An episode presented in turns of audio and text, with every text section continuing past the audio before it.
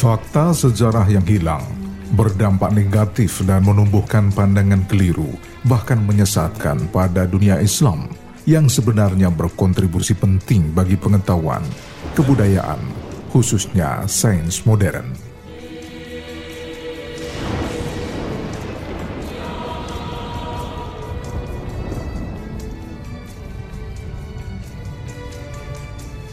Ehsan Masud dalam bukunya Science and Islam menyebutkan ada dua dampak buruk yang terjadi akibat hilangnya fakta sejarah Islam. Pertama, pemikiran bahwa para cendekiawan muslim bertindak sebatas penjaga atas karya klasik besar sains dan hanya sedikit menambahkan kemajuan pengetahuan manusia. Pandangan itu telah memunculkan pendapat sains abad pertengahan Islam tidak lebih dari proyek penerjemahan dari karya-karya Yunani kuno. Yang kedua, berdampak pada tidak positifnya hubungan antara Barat dan Islam dan sedikitnya pertukaran pemikiran, kecuali penukaran buku-buku klasik Yunani sebelum masa Renaissance.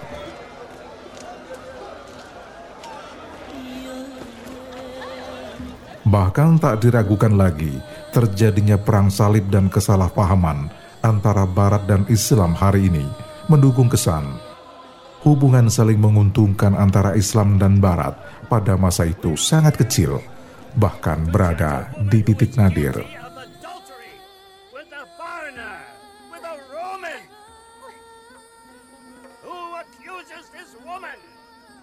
Sejarah Islam mencatat Nama Abul Wafa Muhammad ibnu Muhammad ibnu Yahya ibnu Ismail al-Buzjani. Ia lahir 10 Juni tahun 940 Masehi atau 328 Hijriah di kota kecil Busjan di Irak.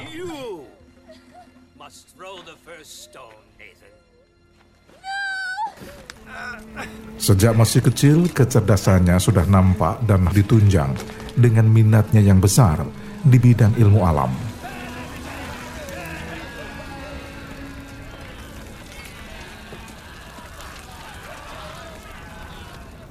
Ia belajar matematika dari pamannya Abu Umar Al-Makhazli dan Abu Abdullah Muhammad Ibnu Ataba.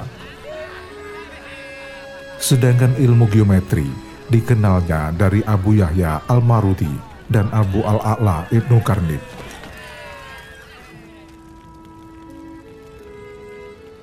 Masa sekolah dihabiskan di kota kelahirannya, Busjan.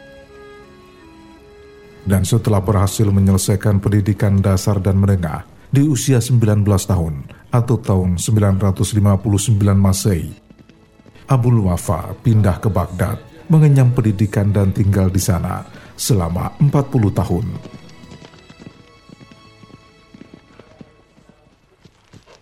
I have a message for Titus Valerius Taurus. Titus Valerius Taurus. Dalam bidang ilmu geometri, Abul Wafa memberi kontribusi luar biasa bagi pemecahan soal-soal geometri dengan menggunakan kompas, konstruksi ekuivalen untuk semua bidang, polihedral umum, konstruksi heksagon setengah sisi dari segitiga sama kaki, konstruksi parabola dari titik, dan solusi geometri bagi persamaan. Konstruksi bangunan trigonometri versi Abdul Wafa hingga kini diakui sangat besar manfaatnya. Ia adalah sosok yang pertama menunjukkan adanya teori relatif segitiga parabola. Tak hanya itu, dia juga mengembangkan metode baru tentang konstruksi segi empat serta perbaikan nilai sinus 30 dengan memakai 8 desimal.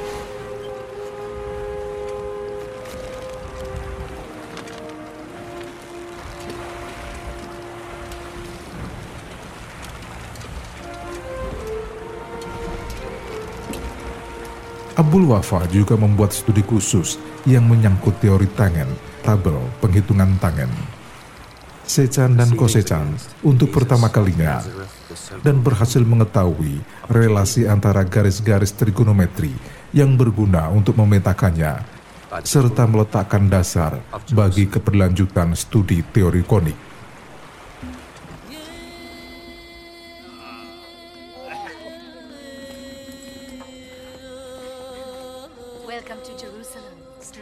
Sejumlah besar rumus trigonometri tak bisa dilepaskan dari nama Abul Wafa. Abul Wafa tak hanya ahli matematika, tapi juga piawai dalam bidang ilmu astronomi.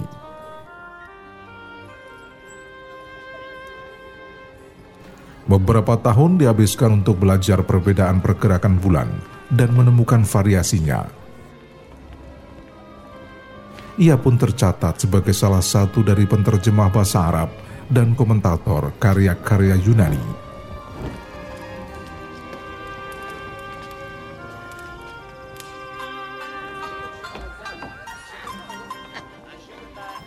Kontribusinya dalam bentuk karya ilmiah antara lain Kitab Ilmu Al-Hisab dan buku praktis aritmatika,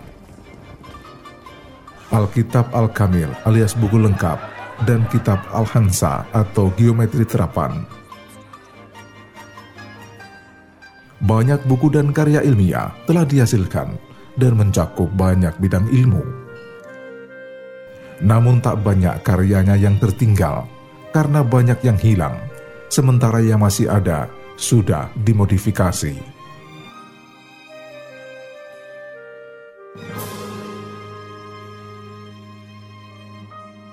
Beberapa kitab bernilai yang ditulisnya antara lain Kitab Fima Yahtaju Ilaihi Al-Kutab wa Al-Umal Min Ilm Al-Hisab sebuah buku tentang aritmatika. Ia juga menulis Kitab Al-Kamil.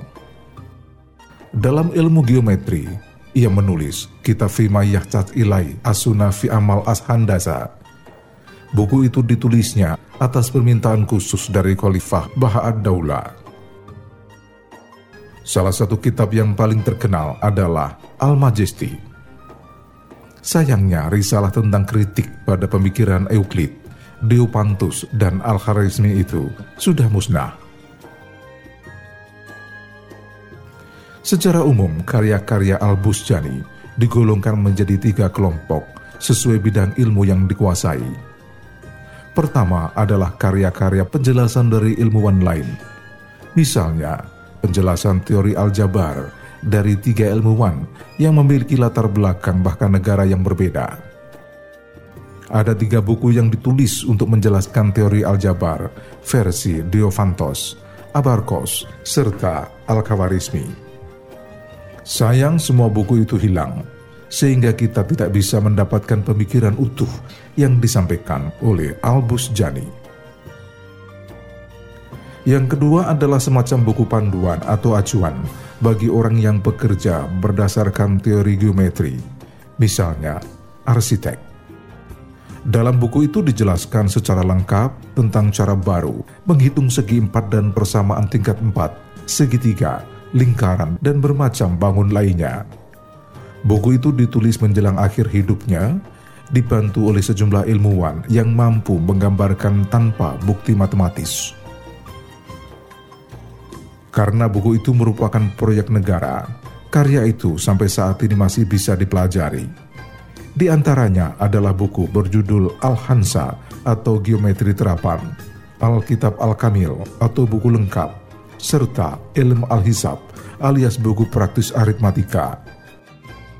Buku itu bahkan tidak hanya digunakan para ahli geometri, tapi juga menjadi rujukan untuk menghitung pajak dan perdagangan. Yang ketiga adalah buku-buku yang tergolong dalam bidang astronomi, antara lain Al-Majesty dan Al-Zaitz. Buku itu menjadi semacam ensiklopedia astronomi yang pernah ditulis Ptolemeus, berisi tentang kalender astronomi dan menjadi acuan para ilmuwan untuk meneropong bintang serta benda langit lain, gerakan bintang dan perubahan yang terjadi secara tiba-tiba.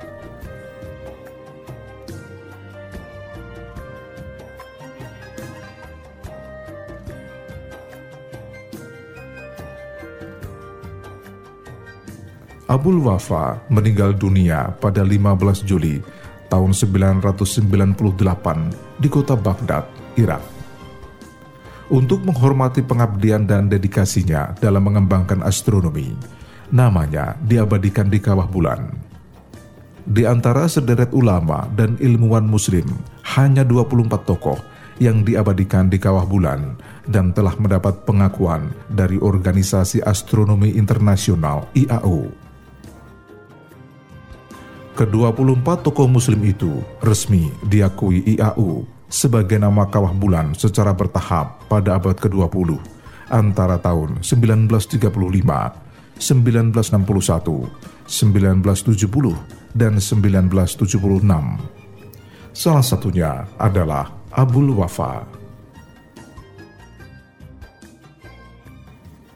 Kawah bulan Abul Wafa diameternya mencapai 55 km dan kedalaman 2,8 km. Lokasinya terletak di dekat ekuator bulan, berdekatan dengan sepasang kawah, Setibius dan Heron di sebelah timur. Di sebelah barat daya kawah bulan Abul Wafa terdapat kawah Vesalius, dan di arah timur laut terdapat kawah bulan yang lebih kecil bernama King. Dunia astronomi modern mengakui jasa dan kontribusi Abul Wafa sebagai seorang astronom di abad 20 peradaban modern juga berhutang budi padanya. Hasil penelitian dan karya-karya yang ditorehkan dalam sederet kitab memberi pengaruh yang sangat signifikan bagi pengembangan ilmu pengetahuan, terutama trigonometri dan astronomi.